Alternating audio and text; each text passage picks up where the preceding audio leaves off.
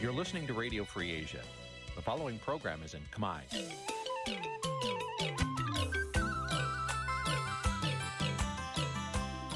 Nǐ chi càm bi tiệp xáy vệt chiu a zì sê ray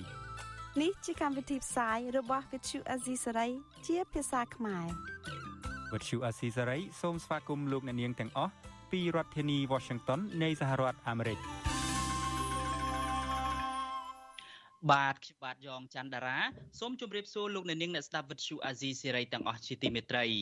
បាទខ្ញុំបាទសូមជូនកម្មវិធីផ្សាយសម្រាប់យប់ថ្ងៃសៅរ៍12រោចខែអាសត់ឆ្នាំខាលចត្វាស័កពុទ្ធសករាជ2566ដែលត្រូវនៅថ្ងៃទី22ខែតុលាគ្រិស្តសករាជ2022បាទជាដំបូងនេះសូមអញ្ជើញអស់លោកអ្នកនាងស្ដាប់ព័ត៌មានប្រចាំថ្ងៃដែលមានមេត្តាដូចតទៅ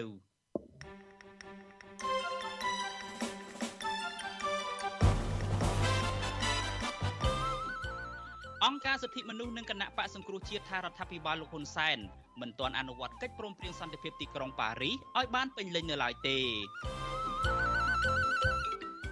សហគមន៍ខ្មែរនៅទីក្រុង Lowell សហរដ្ឋអាមេរិករួមគ្នារំលឹកកិច្ចព្រមព្រៀងសន្តិភាពទីក្រុងប៉ារីសគណៈបកភ្លើងទៀនថាប្រជាពលរដ្ឋមួយចំនួនគ្មានលទ្ធភាពទៅចុះឈ្មោះបោះឆ្នោត សមត្ថកិច្ចខេត្តពោធិ៍សាត់ចាប់ជនជាតិចិនចំនួន3នាក់ពាក់ព័ន្ធនឹងករណីប្លន់រួមនឹងព័ត៌មានសំខាន់សំខាន់មួយចំនួនទៀត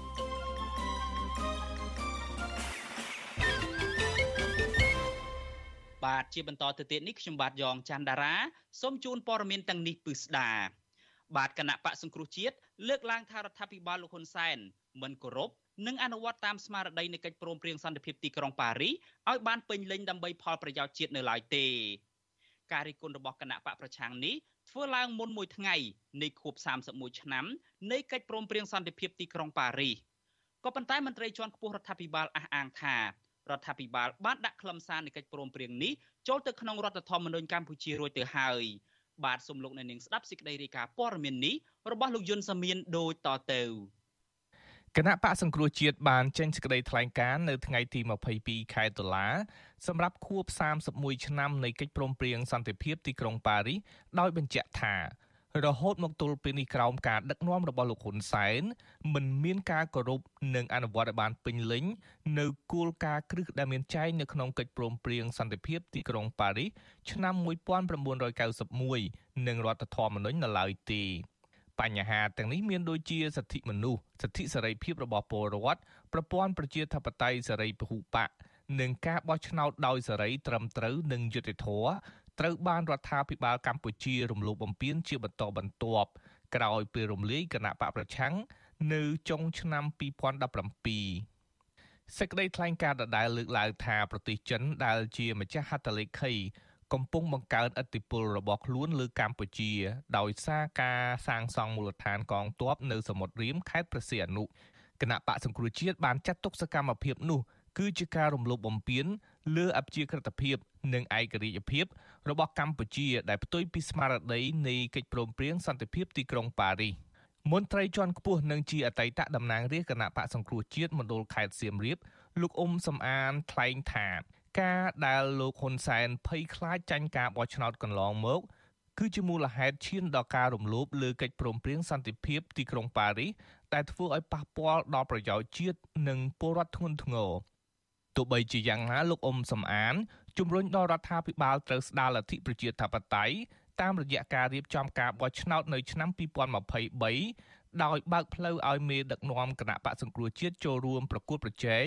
ព្រមទាំងលុបចោលសន្ធិសញ្ញាជាមួយបរទេសទាំងឡាយណា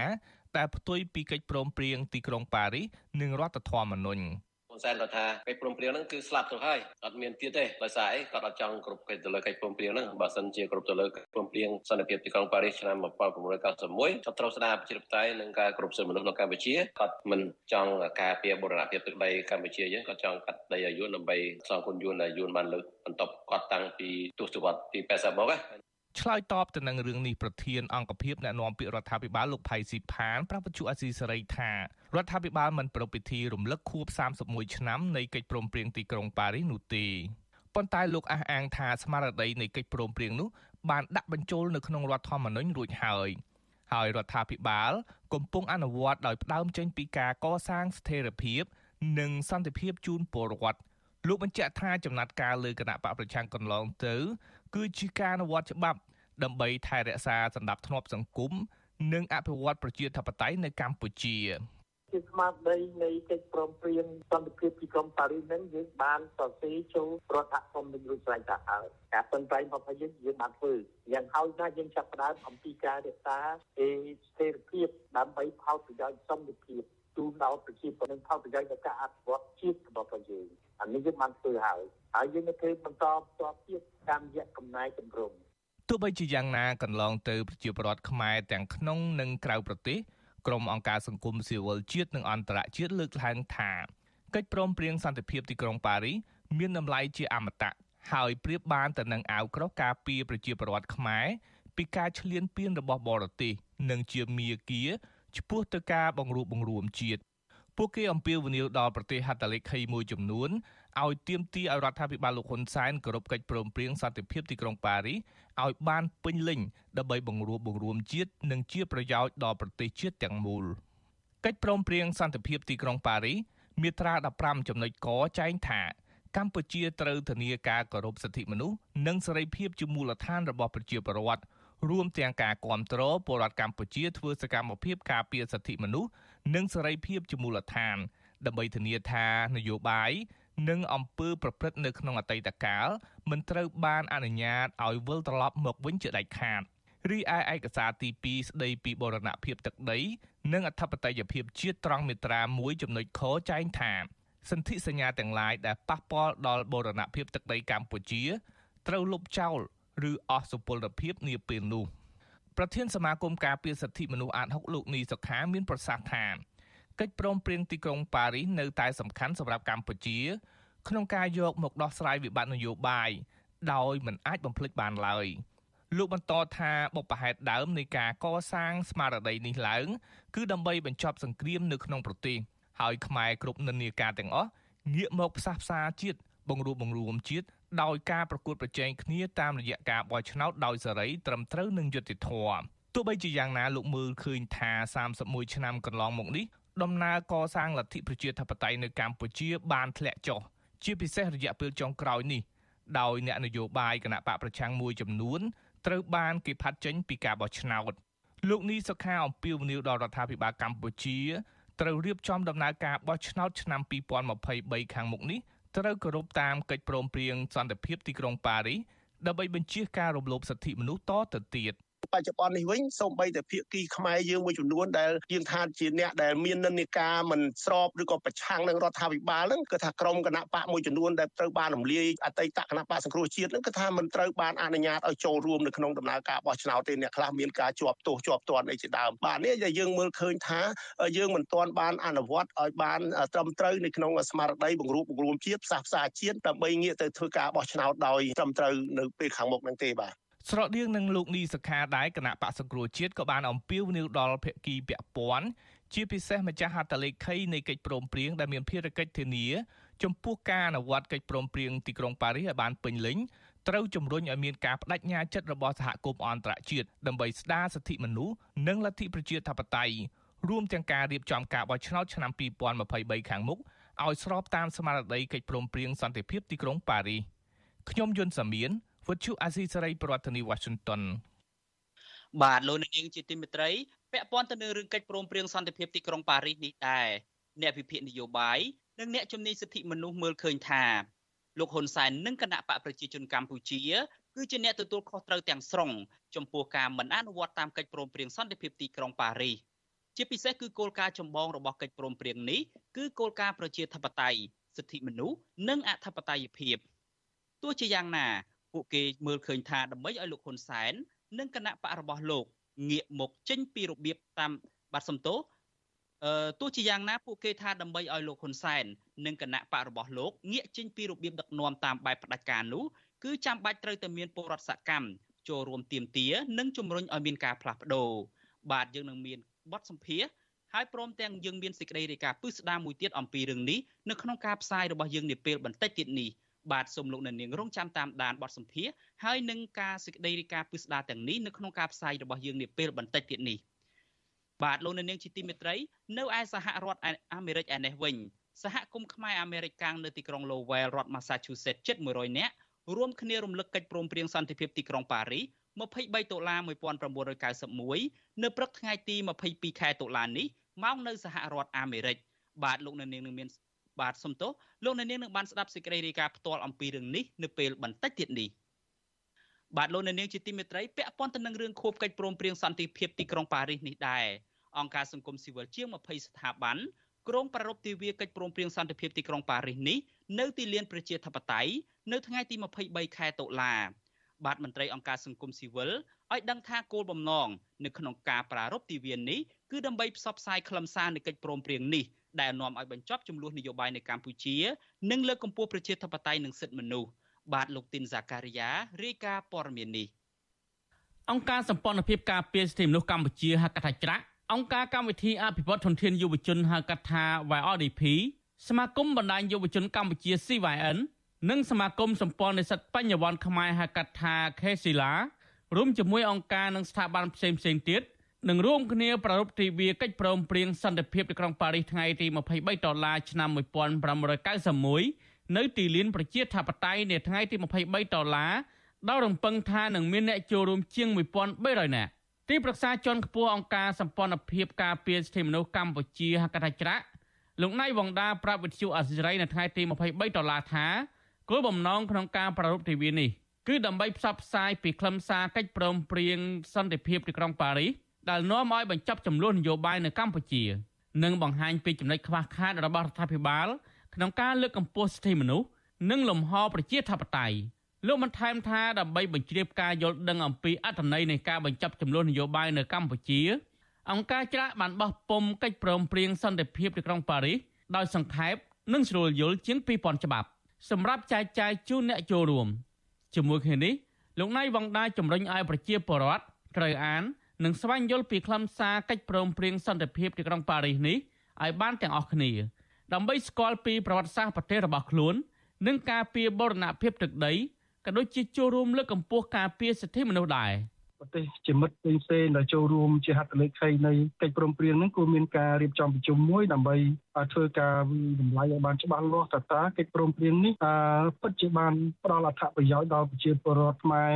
ពិតប្រាកដពេញលេញហើយឬនៅហើយបើខ្វះខាតតើភាគីពាក់ព័ន្ធទាំងអស់គួរតែធ្វើយ៉ាងម៉េចកិច្ចព្រមព្រៀងសន្តិភាពនៅក្នុងប៉ារីសគឺជាកិច្ចព្រមព្រៀងបញ្ចប់ចំនួននយោបាយភាគីខ្មែរ4ក្រុម កាលពីថ្ងៃទី23ដុល្លារឆ្នាំ1991ដោយមានតំណាងមកពីប្រទេសចំនួន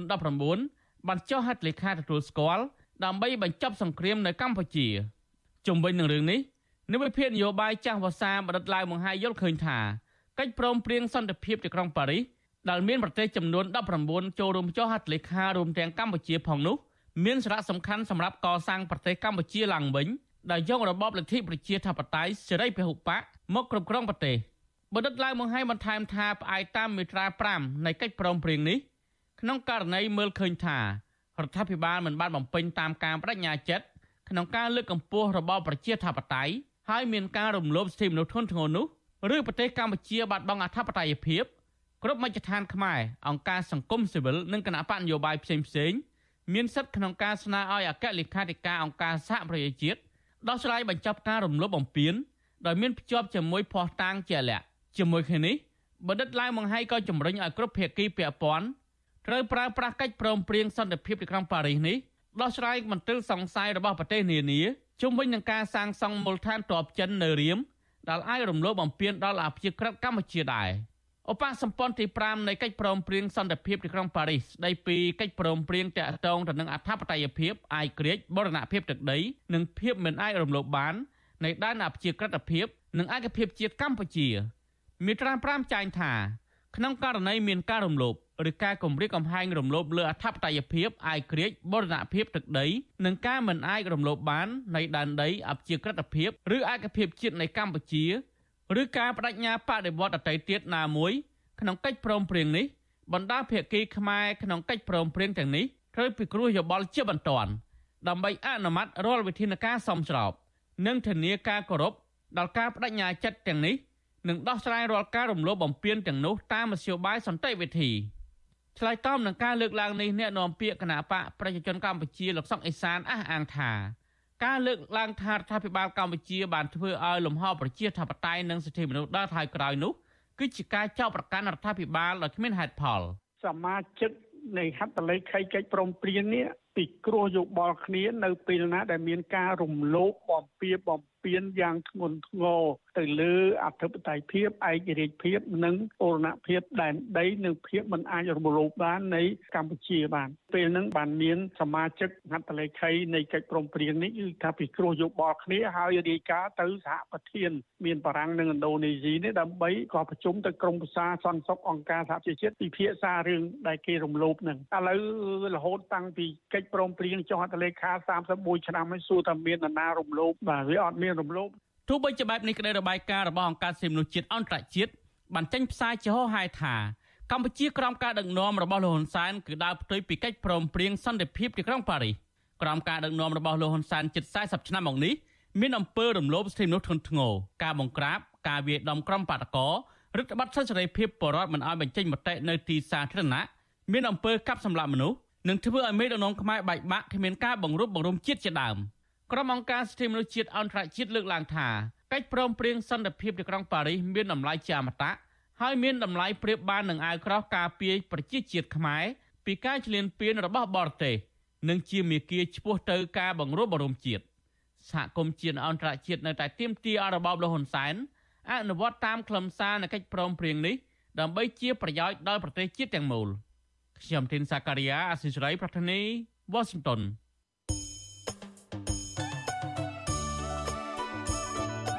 បាទលោកនាងជាទីមេត្រីដំណើរគ្នានឹងការស្ដាប់ការផ្សាយរបស់ Vithu Azizi សេរីតាមបណ្ដាញសង្គម Facebook និង YouTube លោកនាងក៏អាចស្ដាប់ការផ្សាយរបស់ Vithu Azizi សេរីតាមរយៈរលកធាតុអាកាសខ្លី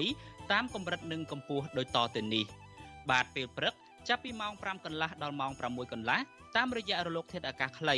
12140 kHz ស្មើនឹងកម្ពស់ 25m និង13715 kHz ស្មើនឹងកម្ពស់ 22m ពេលយប់ចាប់ពីម៉ោង7កន្លះដល់ម៉ោង8កន្លះតាមរយៈរលកធាតុអាកាសខ្លី9960 kHz ស្មើនឹងកម្ពស់ 30m 12140 kHz ស្មើនឹងកម្ពស់ 25m និង11885 kHz ស្មើនឹងកម្ពស់ 25m បាទសូមអរគុណ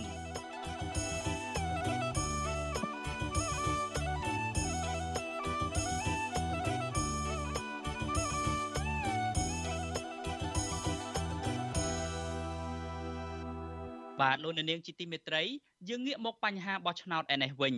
មន្ត្រីគណៈបកភ្លើងធានអះអាងថាប្រជាពលរដ្ឋភៀកច្រើននៅមិនទាន់បានចុះឈ្មោះបោះឆ្នោតនិងពិនិត្យបញ្ជីបោះឆ្នោតនៅឡើយទេទោះបីជាដំណើរការនៃការចុះឈ្មោះបានចាប់ផ្ដើមទៅហើយក្តីពួកគាត់បញ្ជាក់ថាបញ្ហានេះបណ្ដាលមកពីប្រជាពលរដ្ឋមិនទទួលបានព័ត៌មានគ្រប់គ្រាន់បញ្ហាជីវភាពនិងមានការចំណាក់ស្រុកមន្ត្រីអង្គការសង្គមស៊ីវិលឃ្លាំមើលការបោះឆ្នោតឲ្យដឹងថាគោលជបនឹងរដ្ឋសភា គួរគួរតែទទួលខុសត្រូវចំពោះបញ្ហានេះនិងសម្រួលឲ្យប្រជាពលរដ្ឋមានលទ្ធភាពចុះឈ្មោះបោះឆ្នោតបាទលោកជាតិចំណានរាយការណ៍ព័ត៌មាននេះមន្ត្រីគណៈបកភ្លើងទៀននៅតាមសាលាឃុំសង្កាត់មួយចំនួនលើកឡើងថាមកដល់ពេលនេះមានអ្នកពិនិត្យបញ្ជីឈ្មោះនិងអ្នកចុះឈ្មោះបោះឆ្នោតជ្រើសរើសតំណាងរាស្ត្រនៅមានចំនួនតិចតួចនៅឡើយជំទប់ទី2នៃគណៈបកភ្លើងទៀននៅឃុំពាក់ស្នែងស្រុកអង្គរធំខេត្តសៀមរាបអ្នកស្រីសនឡាតប្រាប់វិសុអេស៊ីស្រីឲ្យដឹងនៅថ្ងៃទី22ខែតុលាថា នៅឃុំពាក់ស្នែងមន្ត្រីកោជបបានចាប់ផ្ដើមទទួលចុះឈ្មោះនិងពិនិត្យបញ្ជីឈ្មោះបោះឆ្នោត3ថ្ងៃមកហើយអ្នកស្រីបន្តថាចាប់តាំងពីកោជបប្រកាសឲ្យដំណើរការចុះឈ្មោះបាន2ថ្ងៃមកមានអ្នកមកពិនិត្យនិងចុះឈ្មោះត្រឹមតែ10អ្នកប៉ុណ្ណោះអ្នកស្រីព្រួយបារម្ភថាពលរដ្ឋនឹងបាត់បង់សិទ្ធិក្នុងការបោះឆ្នោតជ្រើសរើសសមាជិកសភា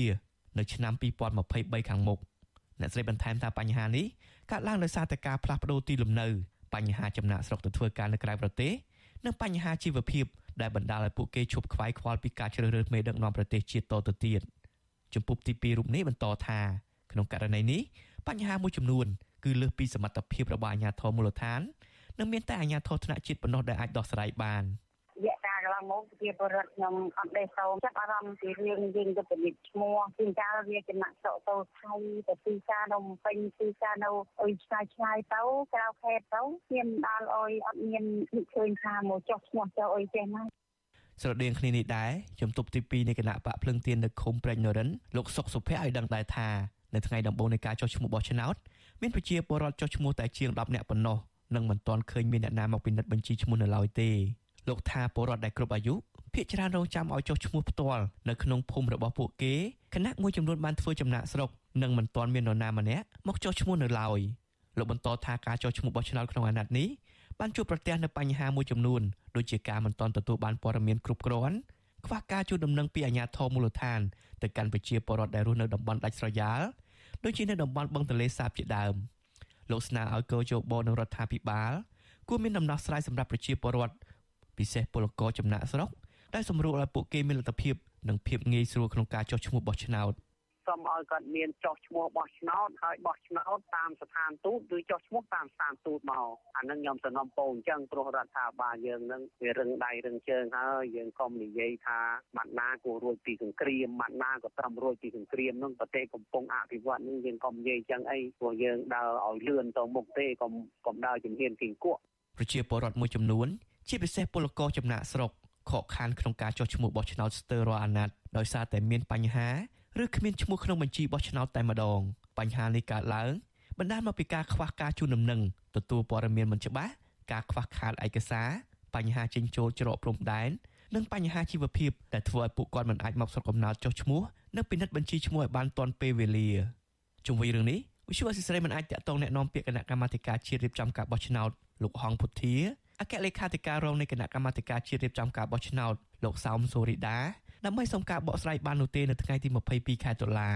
របាយការណ៍របស់កោជបឲ្យដឹងដែរថាពលរដ្ឋដែលបានចុះឈ្មោះបោះឆ្នោតក្នុងរយៈពេល2ថ្ងៃទូទាំងប្រទេសមានចំនួនសរុបជាង30000នាក់លុបឈ្មោះចេញពីបញ្ជីបោះឆ្នោតមានចំនួនជាង5000នាក់និងកែតម្រូវទិន្នន័យចំនួនជាង900នាក់ទាក់ទិននឹងបញ្ហានេះអ្នកសម្របសម្រួលផ្នែកអង្គការនឹងតស៊ូមតិនៃអង្គការ Confrere លោកកនសវាងលើកឡើងថា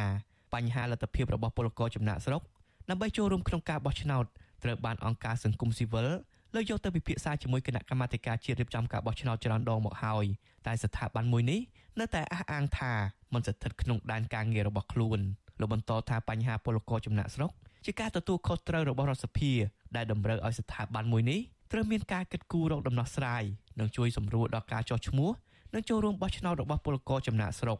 តែទោះជាយ៉ាងណា លោកថាបញ្ហានេះអាចលើកយកទៅនិយាយក្នុងរដ្ឋសភាបានលុះត្រាតែមានការសហការពីកោជបក្នុងការជូនដំណឹងទៅកាន់ស្ថាប័នកម្ពុជាមួយនេះ អញ្ចឹងបញ្ហានេះគឺជាបន្ទុកដែលសភាជាអ្នកទទួលខុសត្រូវនៅក្នុងដំណើររឿងតាក់ទងជាមួយនឹងបញ្ហាដែលជាបរិបទมันអាចនឹងចុះឈ្មោះបាននៅក្រៅប្រទេសបាទហើយវាត្រូវនៅប៉ះពាល់តាក់ទងជាមួយស្ថាប័នមួយរដ្ឋាភិបាលទៀតណាដែលត្រូវធ្វើកិច្ចការនេះទាំងអស់ហ្នឹងបាទតែរឿងសំខាន់គឺថាស្ថាប័នពីរនេះគឺសភាជាតិហើយនិងខាងស្ថាប័នកោយបដែលជារឿងសំខាន់ក្នុងការដោះស្រាយហ្នឹងបាទ ការពិនិត្យបញ្ជីឈ្មោះនិងការចុះឈ្មោះបោះឆ្នោតនៅតាមឃុំសង្កាត់មានរយៈពេល50ថ្ងៃដោយចាប់ផ្ដើមពីថ្ងៃទី20ខែតុលារហូតដល់ថ្ងៃទី8ខែធ្នូឆ្នាំ2022ចំណែកការចែកលិខិតអញ្ជើញអ្នកមានឈ្មោះក្នុងបញ្ជីបោះឆ្នោតផ្លូវការឆ្នាំ2021ចាប់ផ្ដើមពីថ្ងៃទី20ខែកញ្ញារហូតដល់ថ្ងៃទី19ខែតុលាឆ្នាំ2022ដោយឡែកការពិនិត្យបញ្ជីឈ្មោះការចុះឈ្មោះបោះឆ្នោតនិងការផ្ដល់សុពលភាព លើបញ្ជីបោះឆ្នោតផ្លូវការឆ្នាំ2022ចាប់ផ្ដើមនៅថ្ងៃទី20ខែតុលាឆ្នាំ2022រហូតដល់ថ្ងៃទី21ខែកុម្ភៈឆ្នាំ2023ទិន្នន័យរបស់គណៈកម្មាធិការជាតិរៀបចំការបោះឆ្នោតឲ្យដឹងថាចំនួនអ្នកដែលបានចុះឈ្មោះបោះឆ្នោតឃុំសង្កាត់ឆ្នាំ2022មានចំនួនសរុប9លាន2សែននាក់និងមានអ្នកចូលរួមបោះឆ្នោតសរុបប្រមាណ7លាន3សែននាក់ស្មើនឹងជាង80%ខ្ញុំបាទជាចំណាន Visual Assisray ពីរដ្ឋធានី Washington បាទលោកនាងជាទីមេត្រី សហគមន៍ខ្មែរអាមេរិកាំងនៅទីក្រុង Lowell រដ្ឋ Massachusetts ជិត100នាក់រួមគ្នារំលឹកកិច្ចសន្តិភាពបាទសំទោសរួមគ្នារំលឹកកិច្ចព្រមព្រៀងសន្តិភាពទីក្រុងប៉ារីស23ដុល្លារឆ្នាំ1991នៅព្រឹកថ្ងៃទី22ខែតុលានេះមកនៅសហរដ្ឋអាមេរិកបាទលោកនៅនាងនឹងបានស្ដាប់សេចក្តីរាយការណ៍នេះដោយផ្ទាល់នៅពេលបន្តិចទៀតនេះ។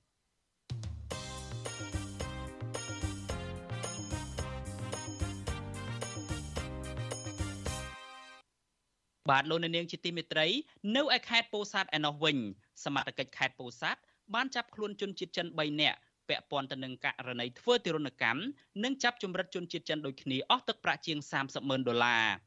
មន្ត្រីអង្គការសង្គមស៊ីវិលសោកស្ដាយដែលកម្ពុជា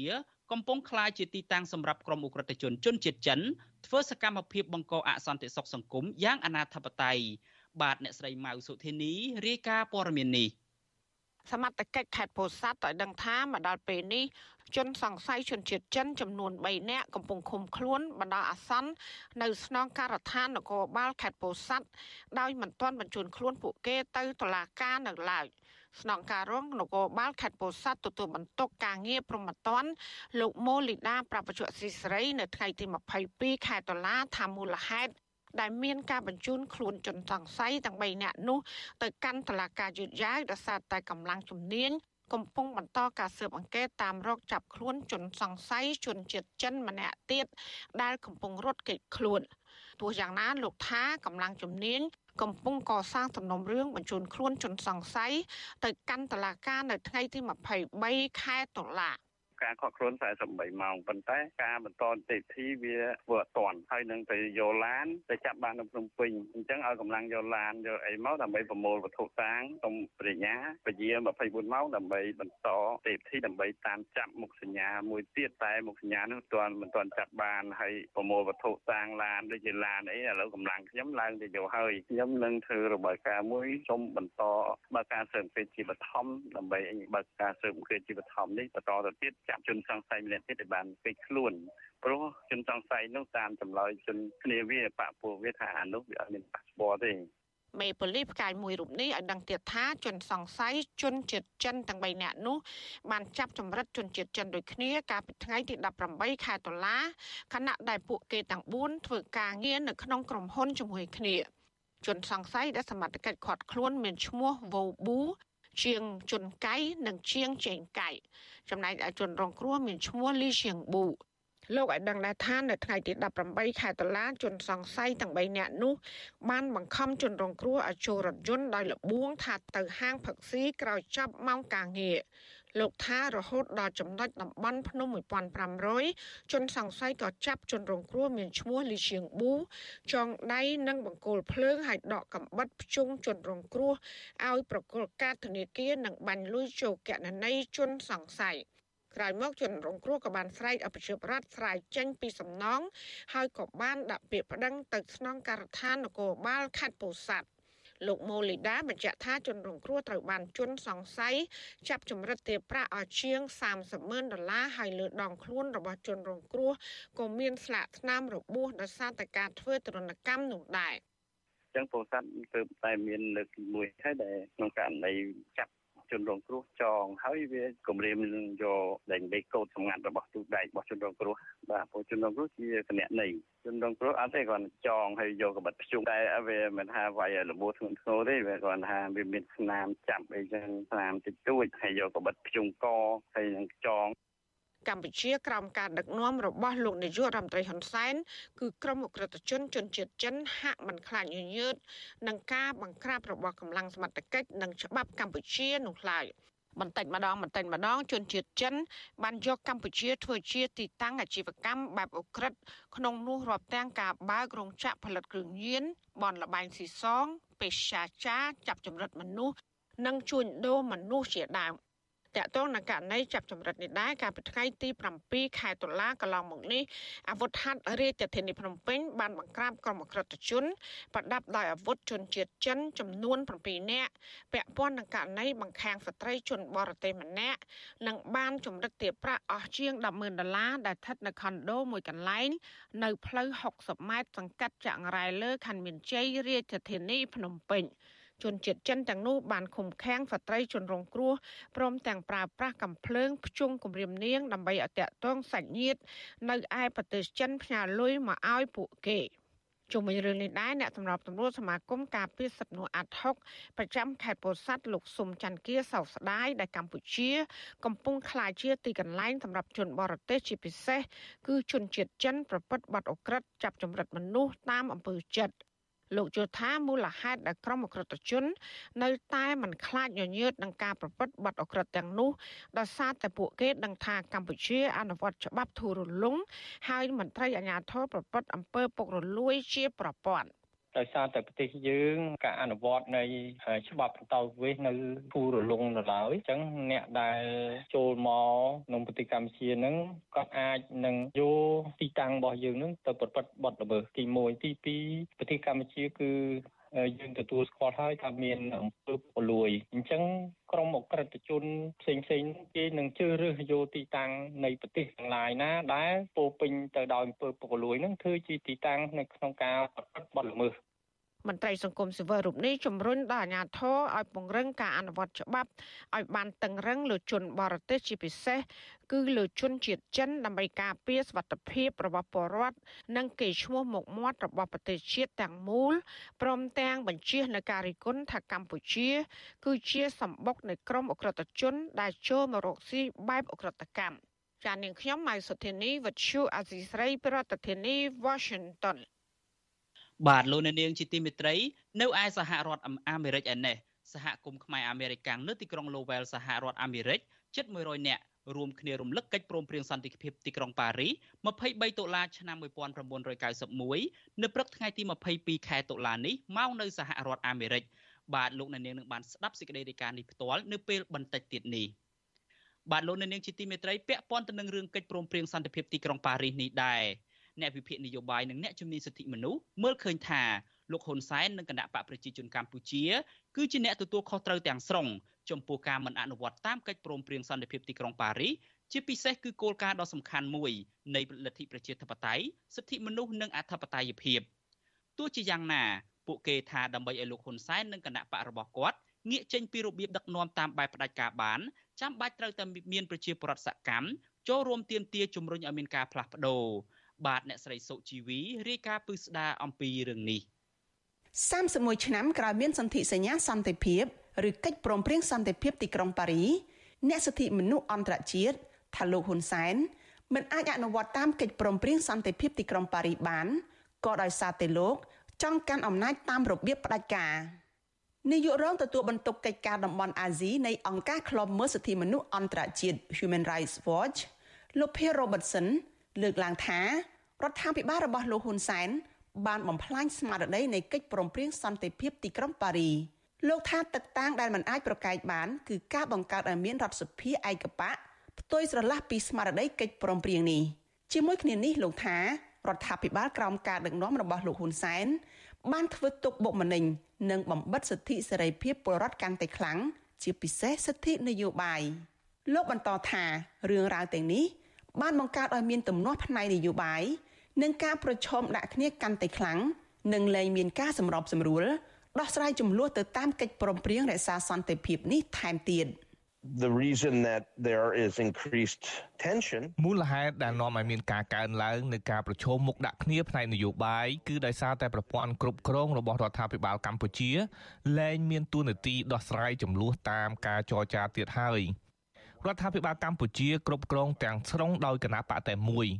ដោយមនុស្សតែមួយក្រុមអ្នកដែលជួបបញ្ហារងភាពអយុត្តិធម៌បណ្ដាលមកពីក្រុមនេះគឺគ្មានជំរឿអ្វីផ្សេងក្រៅតែពីចេញទៅតវ៉ាតាមដងផ្លូវប្រសិនបើពួកគេចង់ឲ្យសម្លេងពួកគេត្រូវបានគេដឹងឮ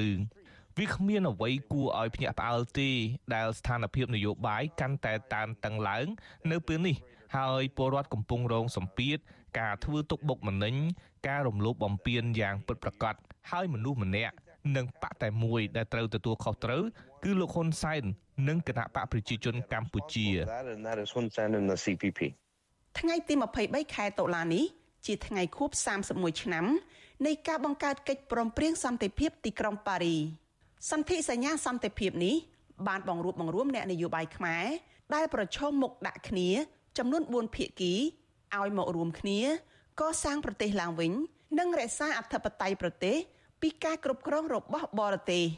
ក្រុមអ្នកនយោបាយ4ភាគីនោះរួមមានភាគីហ៊ុនស៊ិនពេជ្រដឹកនាំដោយសម្ដេចព្រះនរោត្តមសីហនុភាគីខ្មែរក្រហមភាគីរណសេរីជាតិរំដោះប្រជាពលរដ្ឋខ្មែររបស់លោកសឿនសាន និងភាគីរដ្ឋកម្ពុជា ដឹកនាំដោយលោកហ៊ុនសែនកិច្ចព្រមព្រៀងនេះមានប្រទេសចំនួន18ជាហត្ថលេខី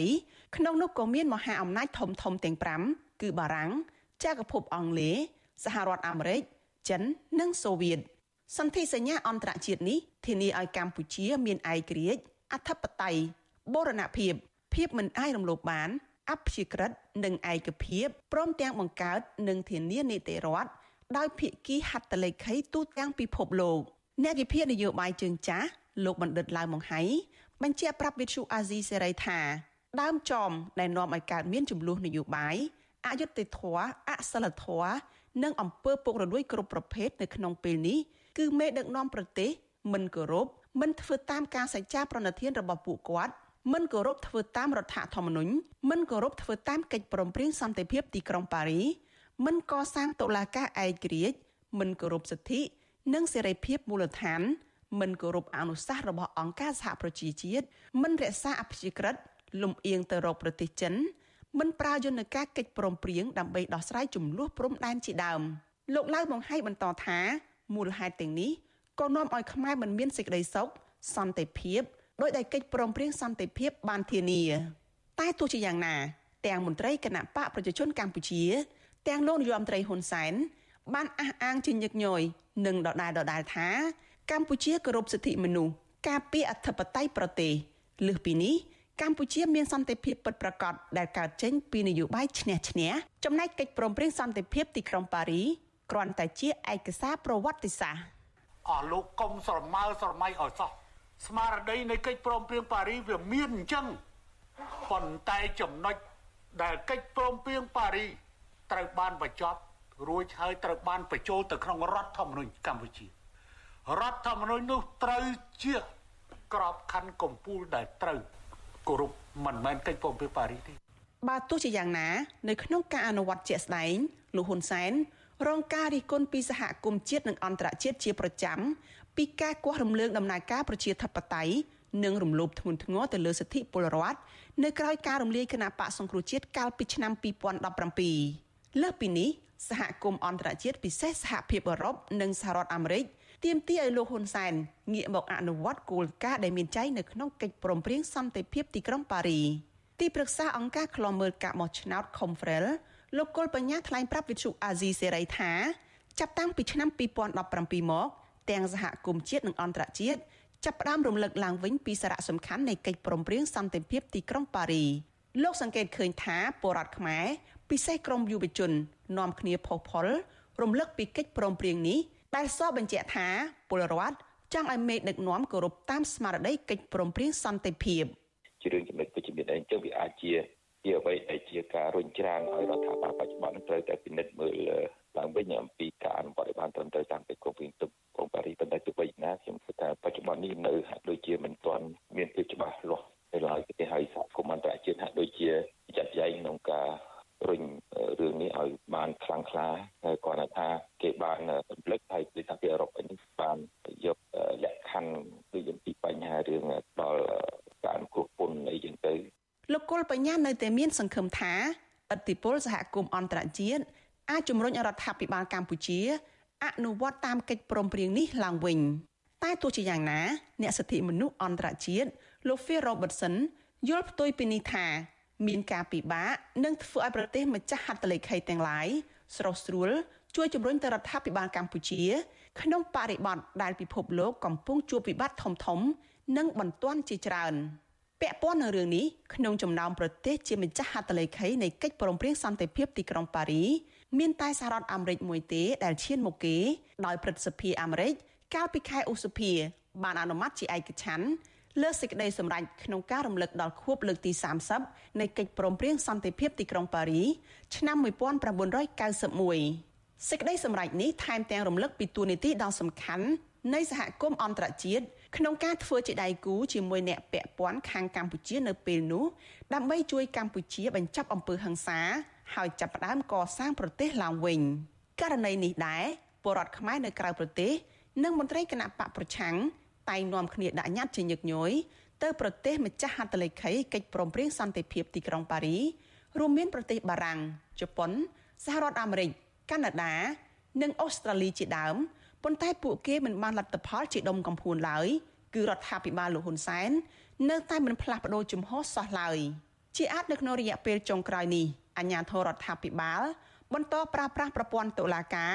ចាប់ឃុំខ្លួនសកម្មជនបកប្រឆាំងសកម្មជនសង្គមនិងអ្នកការពារសិទ្ធិមនុស្សដាក់ពន្ធនាគារកាត់ទោសពួកគេទាំងក្រុមទាំងក្រុមព្រមទាំងប្រើហិង្សាទៅលើក្រុមអ្នកតវ៉ាពិសេសស្ត្រីនៅតាមដងផ្លូវរីឯលោកហ៊ុនសែន នៅតែបន្តគម្រាមកំហែងសកម្មជនបកប្រឆាំងថែមទាំងប្រមានកំទេចក្រុមប្រឆាំងដែលពាក់ព័ន្ធនឹងប្រធានស្ដីទីគណៈបកសង្គ្រោះជាតិលោកសំរងស៊ីបន្ទាប់ពីតុលាការរបបរបស់លោកបានកាត់ទោសមេដឹកនាំគណៈបកប្រឆាំងរូបនេះ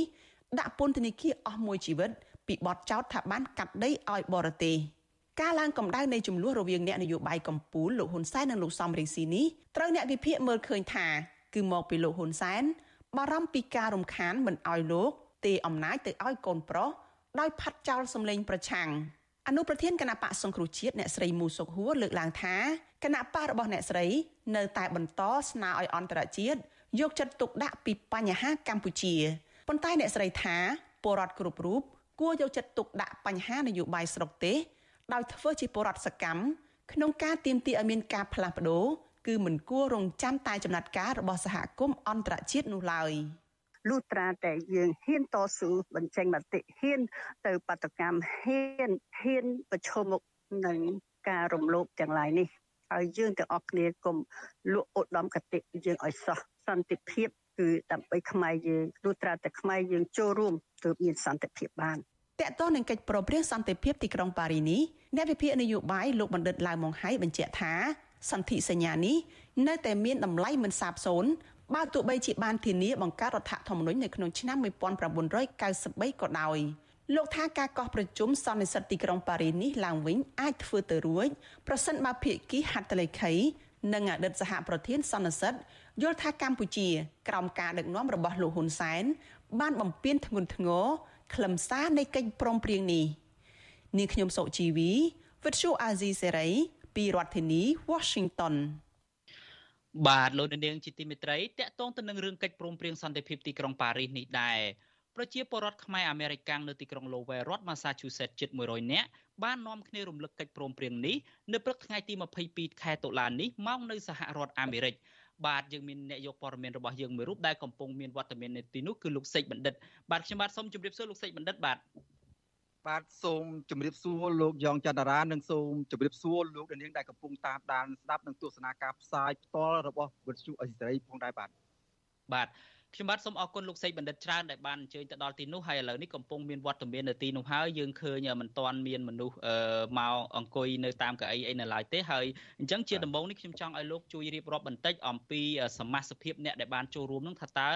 អ្នកណាខ្លះនឹងអញ្ជើញទៅចូលរួមហើយគេនឹងប្រព្រឹត្តឡើងយ៉ាងដូចម្តេចចំពោះខួបកិច្ចព្រមព្រៀងសន្តិភាពទីក្រុងប៉ារីសលើកទី31នេះបាទ បាទអរគុណច្រើនលោកយ៉ងច័ន្ទរាហើយចង់ជម្រាបជូនទៅដល់លោកអ្នកស្ដាប់នឹងទស្សនាការផ្សាយរបស់វិទ្យុអេស៊ីសម្រាប់ប្រទេសថ្ងៃសៅរ៍នេះផងដែរថានៅពេលដែលយើងកំពុងតែផ្សាយផ្ទាល់នៅពេលនេះគឺនៅខាងសហរដ្ឋអាមេរិកវិញគឺកំពុងតែនៅរដ្ឋ Massachusetts ក្រុង Lowell កំពុងតែរៀបចំកិច្ចពិភាក្សាធំមួយ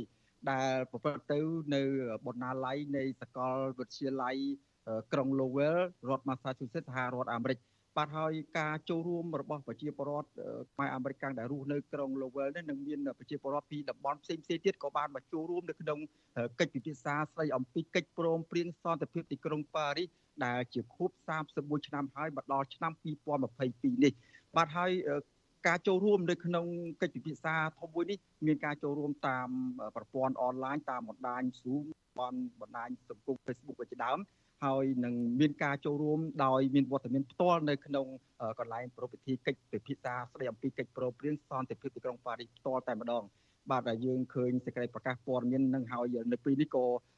លោកដែលយើងក៏បានឃើញទស្សនាដែរហើយឃើញមានការរៀបចំទុកជាសាច់នៅកៅអីនិងកន្លែងតុពិភាក្សាដែលមានការចូលរួមពីអ្នករៀបចំកម្មវិធី និងប្រជាពលរដ្ឋអ្នករស់នៅរដ្ឋ Massachusetts នេះតែម្ដង ហើយក៏មានការចូលរួមពីតំណាងព្រឹទ្ធសភាសហរដ្ឋអាមេរិកផងដែរហើយក្នុងសេចក្តីប្រកាសនោះក៏មានឃើញខាងកម្ពុជាពីក្រមអ្នកសកម្មជនដែលជួយជំរុញនិងលើកទឹកចិត្តទៅដល់កិច្ចព្រមព្រៀងសន្តិភាពទីក្រុងប៉ារីសដើម្បីឲ្យមានការគោរពកិច្ចព្រមព្រៀងនេះពីព្រោះពួកគាត់យល់ថាកិច្ចព្រមព្រៀងសន្តិភាពទីក្រុងប៉ារីសនៅតែមានតម្លៃជាសកលសម្រាប់ប្រទេសកម្ពុជាដដែល បាទឥឡូវនេះចង់ដឹងថាការចូលរួមជាវិលគ្មិនកិត្តិយសនិងចូលរួមជាសមាជិកក្នុងកិច្ចពិភាក្សាស្ដីអំពីកិច្ចព្រមព្រៀងសន្តិភាពទីក្រុងប៉ារីសឲ្យពួកគាត់រួមគ្នារំលឹកឡើងវិញមួយថ្ងៃមុននឹងដល់គប់31ឆ្នាំនៃកិច្ចព្រមព្រៀងនេះនៅពេលនេះដែលយើងបានអញ្ជើញលោកនួនវាសនា បាទលោកនួនវាសនាគឺជាសមាជិកក្រុមប្រឹក្សាក្រុង Lowell សហរដ្ឋ Massachusetts សហរដ្ឋអាមេរិកដើម្បីឲ្យលោករៀបរាប់តថាតើអ្នករៀបចំកម្មវិធីកិច្ចពិភាក្សានេះអញ្ជើញវិភាគីខាងណាខ្លះទាំងមានវត្តមានផ្ទាល់នៅទីនេះនិងមានវត្តមានចូលរួមតាមប្រព័ន្ធអនឡាញនោះឥឡូវខ្ញុំបាទសូមជម្រាបសួរលោកនួនវាសនាបាទ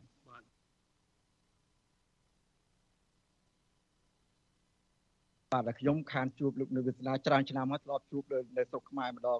រយៈពេលច្រើនឆ្នាំមកនេះលោកមានសុខទុក្ខយ៉ាងបាទសុខសប្បាយជាធម្មតាយើងជួបគ្នានឹងប្រហែលជា10ឆ្នាំជាងហើយនៅភ្នំពេញបាទបាទហើយមុននេះយើងមានសេចក្តីរាយការណ៍ច្រើនស្ដីអំពីកិច្ចព្រមព្រៀងសន្តិភាពទីក្រុងប៉ារីសហើយដោយឡែកយើងចង់ឲ្យលោកនាងបានយល់នឹងសកម្មភាពផ្ទាល់របស់សហគមន៍ខ្មែរនៅឯសហរដ្ឋអាមេរិកនេះជាពិសេសនៅក្នុងក្រុង Lowell សហរដ្ឋអាមេរិកនៅថ្ងៃនេះម្ដងតើ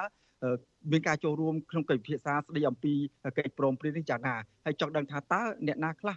ភាគីណាខ្លះដែលបានចូលរួមទាំងផ្ទាល់ទាំងប្រព័ន្ធអនឡាញនោះបាទសូមឲ្យលោកនុវិសារៀបរាប់ជូនលោកអ្នកស្ដាប់និងទស្សនាបាទអរគុណបាទយើងបានអញ្ជើញលោកអគ្គរដ្ឋទូតខ្មែរប្រចាំសហរដ្ឋអាមេរិកលោកជាកៅតាមរយៈលិខិតហើយក៏អ៊ីមែលដើម្បី remind ថាតើលោកបានជួយចូលរួមមកអត់តែអត់មានដំណឹងពី ស្ថានទូតខ្មែរប្រចាំសហរដ្ឋអាមេរិកទេហើយយើងក៏បានអញ្ជើញអ្នកស្រីមូសូហ្វូជំទាវមូសូហ្វូមកចូលរួមពីព្រោះអីគឺថាយើងគិតថាដើម្បីឲ្យលោកទាំងពីរបញ្ចេញនយោបាយរបស់លោកទន្ទឹមនឹងក៏យើងបានអញ្ជើញលោកព្រឹទ្ធសភាសហព័ន្ធលោកអេតម៉ាគីលោកដំបងថាលោកអាចមកបានដល់មានធរៈខ្លាំងពេកលោកអត់អាចមកបានអញ្ចឹងលោកនឹងផ្ញើសារតា រស់មួយបាទបានថាជាការវីដេអូបាទវីដេអូដែលលោកយើងនឹងចាក់ផ្សាយចាក់ផ្សព្វផ្សាយទៅដល់បងប្អូនដែលបានអញ្ជើញមកផ្ទាល់ចូលរួមថ្ងៃនេះឬមួយក៏តាមប្រព័ន្ធអនឡាញឲ្យឲ្យលោកស្ដាប់នៅជំហររបស់ទីប្រឹក្សាគណៈកម្មការបរទេសណាព្រឹទ្ធសភាដែលមានលោកអេដម៉ាគីលោកជាប្រធាននៅសភា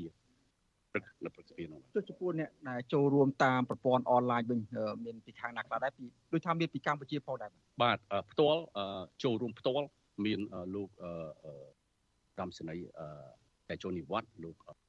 ជំឈៀងមានទៀតមានលោកសាស្ត្រាចារ្យសុផលអ៊ីនៅផ្ទាល់អញ្ជើញមកផ្ទាល់ឧត្តមសេនីយ៍លោកបានជួយមកដល់ហើយ ដែលប្រព័ន្ធតាមប្រព័ន្ធអនឡាញយើងមានលោក Brett Adam ហើយក៏មានបង2នាក់គឺថាក្មេងចំនួនក្រោយដែលគាត់ត្រូវការតស៊ូគាត់តស៊ូតស៊ូមតិនៅថាគិតថាគឺព្រមព្រៀងនេះមានសារៈសំខាន់សម្រាប់មិនមែនតែចំនួនចាស់ទេដល់ចំនួនទី2ទី3នឹងហើយមានបងអូនត្រួយស្រុនហើយមានបងអូនសុភីភូ អរគុណនេះជាតំណាងដែលចូលរួមតាមប្រព័ន្ធអនឡាញពីប្រទេសកម្ពុជាបាទបាទបាទ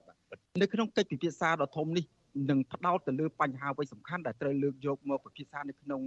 ឱកាសនេះបាទចំណុចយើងគិតថាចំណុច3ដែលយើងនឹងពិភាក្សាគ្នាថ្ងៃនេះចំណុចទី1ថាតើកិច្ចព្រមព្រៀងនេះមកដល់30ឆ្នាំមក31ឆ្នាំក្រោយមកនេះធ្វើបានអីខ្លះជោគជ័យអីខ្លះណានៅត្រង់ណាខ្លះនៅសល់អ្វីខ្លះដែលមិនទាន់បានធ្វើឬមួយក៏ធ្វើហើយ យើងបែរជាបំផ្លាញទៅចោលណាទី3ពាក់ព័ន្ធនឹងដែរគឺថាកតាបកិច្ចរបស់អ្នកហត្ថលេខីទាំងអស់ដែលចូលរួមនឹងជាអំពីផ្ទាល់នឹងថាតើត្រូវធ្វើយ៉ាងម៉េចដើម្បីរក្សា intent របស់កិច្ចព្រមព្រៀងនឹងទីបាទនឹងទី2ណាទី3ទី3ពាក់ព័ន្ធទៅរឿងថាតើហេតុអីបានជាក្មេងចំនួនក្រោយចំនួនទី2ទី3នឹងគឺថាត្រូវចាប់អារម្មណ៍ រឿងវាសំខាន់អីអា PP នឹងសម្រាប់កិច្ចព្រមព្រៀងប៉ារីសនឹងសម្រាប់ពួកគាត់បើគាត់កើតមិនទាន់ផងហ្នឹងណាឬមួយក៏អ្នកខ្លះកើតទាន់ហើយកូនងាអត់ដឹងអីទេអត់ដឹងទេប្រឡោះគឺថាហេតុអីបានសំខាន់ហេតុអីត្រូវតស៊ូមតិណាដើម្បីទីមទីឲ្យកិច្ចព្រមព្រៀងគឺថារដ្ឋបាលលោកបំពេញហើយតើហើយសួរទៀតថាតើចំនួនខ្ចាស់ដូចជាចំនួនលោក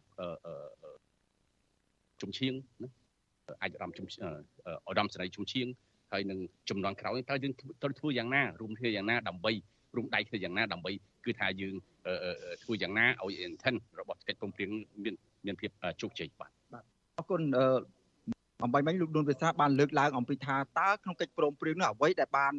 ធ្វើអ្វីដែលមិនបានធ្វើអ្វីដែលបានធ្វើហើយត្រូវបំផ្លាញទៅវិញទូលោកអាចលើកតលហិកឬក៏ផុសតាងណាមួយដែលលោកចងចាំហើយនឹងឃើញកំពុងតែកើតមាននៅក្នុងបរិបទ នៃនយោបាយកម្ពុជាសប្តាហ៍នេះបាទយើងយើងមើលឃើញហើយបាទមើលឃើញក្នុងការថាកន្លងមកនេះប្រហែលឆ្នាំមកនេះគឺថាយើងមានគណៈបកនៅស្រុកយើងមានពីរដែលប្រកួតប្រជែងជាមួយគ្នាណាដើម្បីទៀមទាដើម្បីដើម្បីបតិរបស់ប្រជាពលរដ្ឋការគ្រប់គ្រងពីប្រជាពលរដ្ឋមានគណៈបកប្រជាជនដែលមានជារដ្ឋាភិបាលថ្ងៃដូចសែនដែលលោកជានាយករដ្ឋមន្ត្រីហើយមានគណៈបកប្រឆាំង ដែលមានគេថាយើងគ្រូជាតិដែលមានលោកសំរងស៊ីនិងលោកកឹមសុខាជាអ្នកគេថាជាអ្នកដឹកនាំថ្ងៃនេះគឺប្រហែលឆ្នាំនេះគឺគណៈបកសង្គ្រោះជាតិនឹងត្រូវបានរំលាយចោលព្រោះហើយនឹងគឺថាសប្តាហ៍នេះគឺថាស្រុកយើងនៅឯកបៈយើងដើរថយក្រោយហើយបាទយើងដើរថយក្រោយគ្រាន់ប៉ុណ្្នឹងយើងដើរថយក្រោយហើយមិនមិនចាំបាច់និយាយពីរឿងសិទ្ធិមនុស្ស មិនចាំបាច់និយាយពីរឿងថាសិទ្ធិនៅការបញ្ចេញយោបល់ឬសិទ្ធិសិទ្ធិរបស់អ្នកកសែតអ្នកយុព័ត៌មាននៅឡើយទេបាទអញ្ចឹងតើកិច្ចកិច្ចពិភាក្សាឬក៏ការជួបជុំនេះនឹងមានធ្វើសេចក្តីសម្រេចចិត្តឬក៏សំណើណាមួយទៅដល់រដ្ឋាភិបាលលោកនាយករដ្ឋមន្ត្រីហ៊ុនសែនឲ្យគោរពនៅកិច្ចព្រមព្រៀងហើយតាតាមនៃអ្វីដែលចង់បានពីកិច្ចព្រមព្រៀងដែលធ្លាប់កើតមានតាំងពីជាង30ឆ្នាំក្រោយនោះទេបាទអឺបើនិយាយទៅ ការធ្វើនេះគឺថាមិនមែនថាយើងពឹងលើទាំងស្រុងលើព្រឹទ្ធសភាសហព័ន្ធសហរដ្ឋអាមេរិកឬមួយក៏អ្នកមុខអ្នកការនៅនៅទីក្រុងឬមួយក៏នៅរដ្ឋនេះទេគឺថានៅលើប្រជាពលរដ្ឋយើងរាល់គ្នារាល់គ្នានៅនៅខាងក្រៅប្រទេសក្តីនៅក្នុងប្រទេសក្តីប្រយ៉ងជើងចង់មានការកែប្រែការទៀនទៀនហ្នឹងគឺថាយើងឃើញហើយថ្មីថ្មីហ្នឹងគឺថាព្រឹទ្ធសភាសហព័ន្ធហ្នឹងបាន អនុម័តណាអនុម័តនៅច្បាប់មួយគឺថាពាក់ព័ន្ធនឹងប្រជាធិបតេយ្យនិងសិទ្ធិមនុស្សនៅកម្ពុជាហើយដើម្បីឲ្យរដ្ឋាភិបាលលោកកែណាលោកលោកលោកលោកកែទាំងនោះតាមបើមិនអញ្ចឹងទេគេគេសម្រេចទៅដល់ពេលព្រឹទ្ធសភាទាំងមូលសម្រេចបញ្ជូនឲ្យប្រធានធិបតីគេចុះហត្ថលេខានោះវាជាចេញជាធរមានណាអញ្ចឹងគឺថាគេគេនឹងដាក់សម្ពាធទៅទៅទៅលើប្រជាប្រ ទេសកម្ពុជាកាន់តែខ្លាំងឡើងបាទអរគុណលោកនុនវិសាដែលបានផ្ដល់បទសភានិងបង្ហាញជូននៅទស្សនវិស័យជុំវិញកិច្ចវិភាសាស្ដីអំពីកិច្ចព្រមព្រៀងសន្តិភាពទីក្រុងប៉ារីសសម្រាប់នៅថ្ងៃនេះបាទអរលោកនិងកញ្ញាជាទីមេត្រីឥឡូវនេះយើងនៅមាន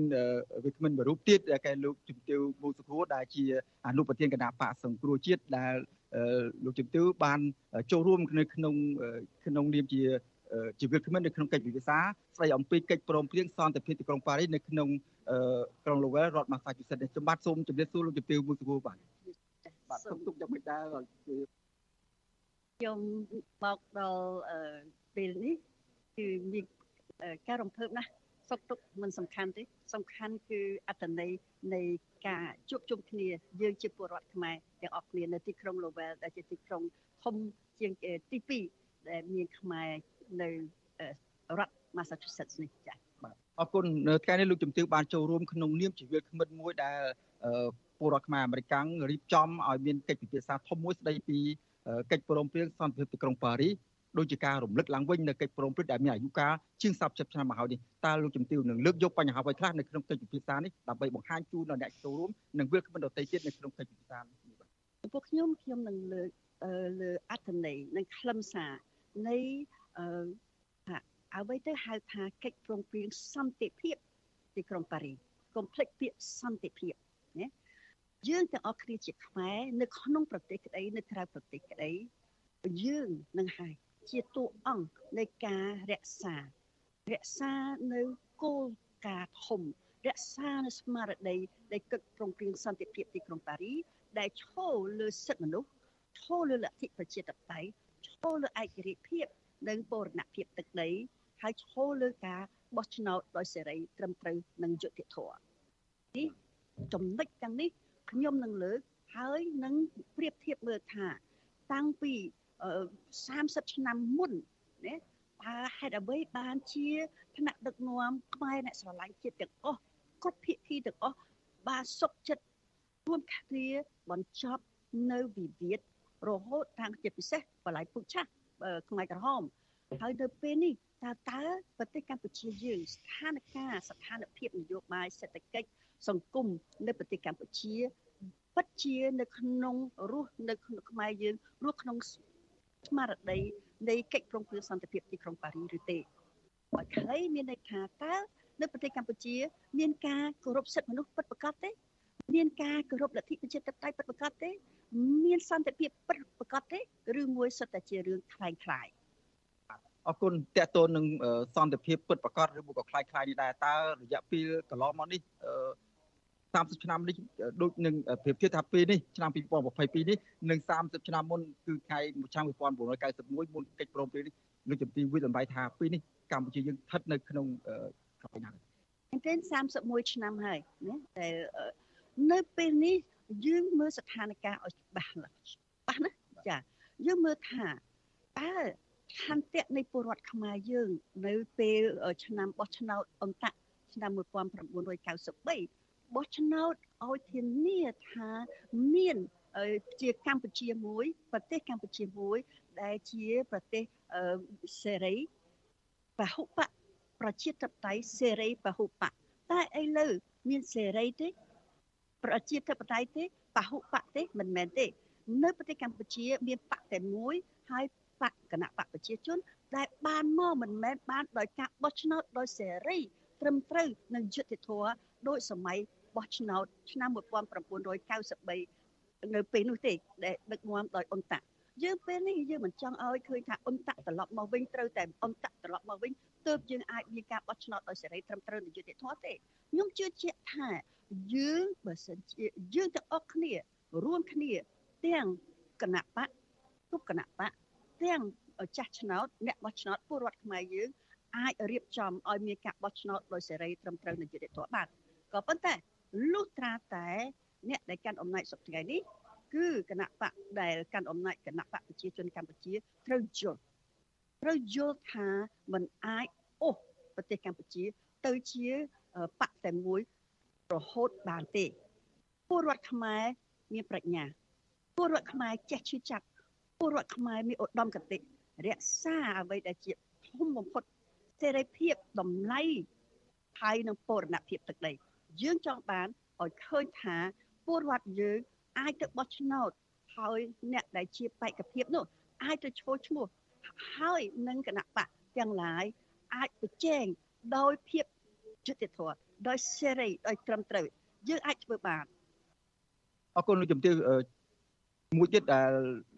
គ្រប់គ្នាតែងតែឲ្យតម្លៃនិងគោរពទៅឲ្យមានការគោរពទៅលើស្មារតីនៃកិច្ចព្រមព្រៀងសន្តិភាពទីក្រុងប៉ារីសក៏ប៉ុន្តែខាងលោកនាយករដ្ឋមន្ត្រីខាងគណៈបកដឹកនាំរដ្ឋាភិបាលហាក់បីជាមិនខ្វល់ទេដោយអះអាងថាកិច្ចព្រមព្រៀងបានបញ្ចូលទាំងមូលទៅហើយនៅក្នុងរដ្ឋធម្មនុញ្ញកម្ពុជារបស់ជាតិ ក៏ប៉ុន្តែនៅពេលនេះមានការខ្វាយកំណត់គ្នាយ៉ាងដូចនេះតើពលរដ្ឋដែលស្រឡាញ់និងចង់ឲ្យមានការគោរពស្មារតីកិច្ចព្រមព្រៀងនេះឲ្យមានតម្លៃជាអមតៈឬមួយក៏មានតម្លៃដូចកាលពីឆ្នាំ1991នោះតើពលរដ្ឋខ្លួនឯងកម្ពុជានឹងគួរធ្វើយ៉ាងម៉េចហើយគួរជំរុញយ៉ាងដូចម្តេចទៅសហគមន៍អន្តរជាតិជាពិសេសប្រទេសម្ចាស់ហត្ថលេខីនៃកិច្ចព្រមព្រៀងនេះឲ្យធ្វើយ៉ាងម៉េចឲ្យចាប់ឬក៏អាចថាជាការកាប់បង្ខំឲ្យរដ្ឋាភិបាលលោកនាយករដ្ឋមន្ត្រីហ៊ុនសែនគោរពនៅកិច្ចព្រមព្រៀងនិងស្មារតីនៃកិច្ចព្រមខ្ញុំសូមបញ្ជាក់ណាថាទោះ ពេលអឺចម្បាំងពិភពលោកលើកទី1លើកទី2ក៏មានកិច្ចព្រមព្រៀងសន្តិភាពដែរទើបចប់នៅចម្បាំងនោះហើយរហូតដល់ពេលនេះប្រទេសជាហត្ថលេខីហើយពលរដ្ឋទាំងឡាយដែលបានឈឺចាប់បានបាត់បង់គ្រួសារទាំងនៅសម័យសង្គ្រាមគេនៅតែគោរពទៅអ្វីដែលហៅថាកិច្ចព្រមព្រៀងសន្តិភាពកិច្ចព្រមព្រៀងសន្តិភាពมันអាចស្លាប់បានទេ បើសិនជាព្រោះបីប្រទេសដូចជាឥឡូវយើងនៅសហរដ្ឋអាមេរិកណាចានៅពេលនេះក៏ពលរដ្ឋនៃសហរដ្ឋអាមេរិកក៏កំពុងតែខិតខំថែរក្សានៅសន្តិភាពនៅសិទ្ធិមនុស្សនឹងដែរហើយមិនអាចរដ្ឋាភិបាលណាមកបញ្ជាប្រាប់ថាអស់ហើយសន្តិភាពមានហើយសន្តិភាពឈប់គិតគូរទៅនៅកិច្ចព្រមព្រៀងមិនអាចធ្វើចឹងបានទេចាហើយជាពិសេសយើងដែលជាប្រទេសក្រីក្រនោះឲ្យយើងឲ្យយល់ ថាបើសិនជាយើងក្រីនៅតែក្រីក្រយើងនៅតែសុំអំណោយគេមានន័យថាអត់មានទេភាពយុត្តិធម៌អត់មានទេសន្តិភាពពិតប្រកបអត់មានទេតុលាការឯករាជ្យអត់មានទេហៅថាអធិក្រឹតភាពអត់ហើយយើងមានរក្សាយើងត្រូវតែរក្សាបរណភាពទឹកដីយើងឲ្យបានជាខ្មែរ បាទខ្ញុំបាទសូមកាត់លោកសេចបណ្ឌិតនិងលោកជំទាវមុខមួសុភហត្រង់ចំណុចនេះបន្តិចបាទខ្ញុំបាទគ្រាន់តែចង់ជម្រាបលាលោកអ្នកនាងដែលកំពុងតែតាមដានការផ្សាយរបស់យើងតាមរយៈលោកធាតុអាកាសខ្លីឬ short wave លោកអ្នកនាងនឹងមិនលឺការផ្សាយរបស់យើងទៀតទេក៏ប៉ុន្តែលោកអ្នកនាងដែលតាមដានតាមរយៈបណ្ដាញសង្គម Facebook និង YouTube សូមបន្តទៀតជាមួយនឹងពួកយើងហើយខ្ញុំមានសំណួរចង់សួរលោកជំទាវមួសុភហមួយដែរថាតើលោកជំទាវយល់យ៉ាងណាដែរចំពោះការលើកឡើងម្ដងហើយម្ដងទៀតរបស់លោកហ៊ុនសែនដែលថាខ្លឹមសារនៃកិច្ចព្រមព្រៀងនឹងមិនចាំបាច់គោរពអីទៀតទេពីព្រោះតែបានដាក់បញ្ចូលនៅក្នុងរដ្ឋធម្មនុញ្ញកម្ពុជារួចហើយថាតើចំណុចនេះលោកស្រីយល់យ៉ាង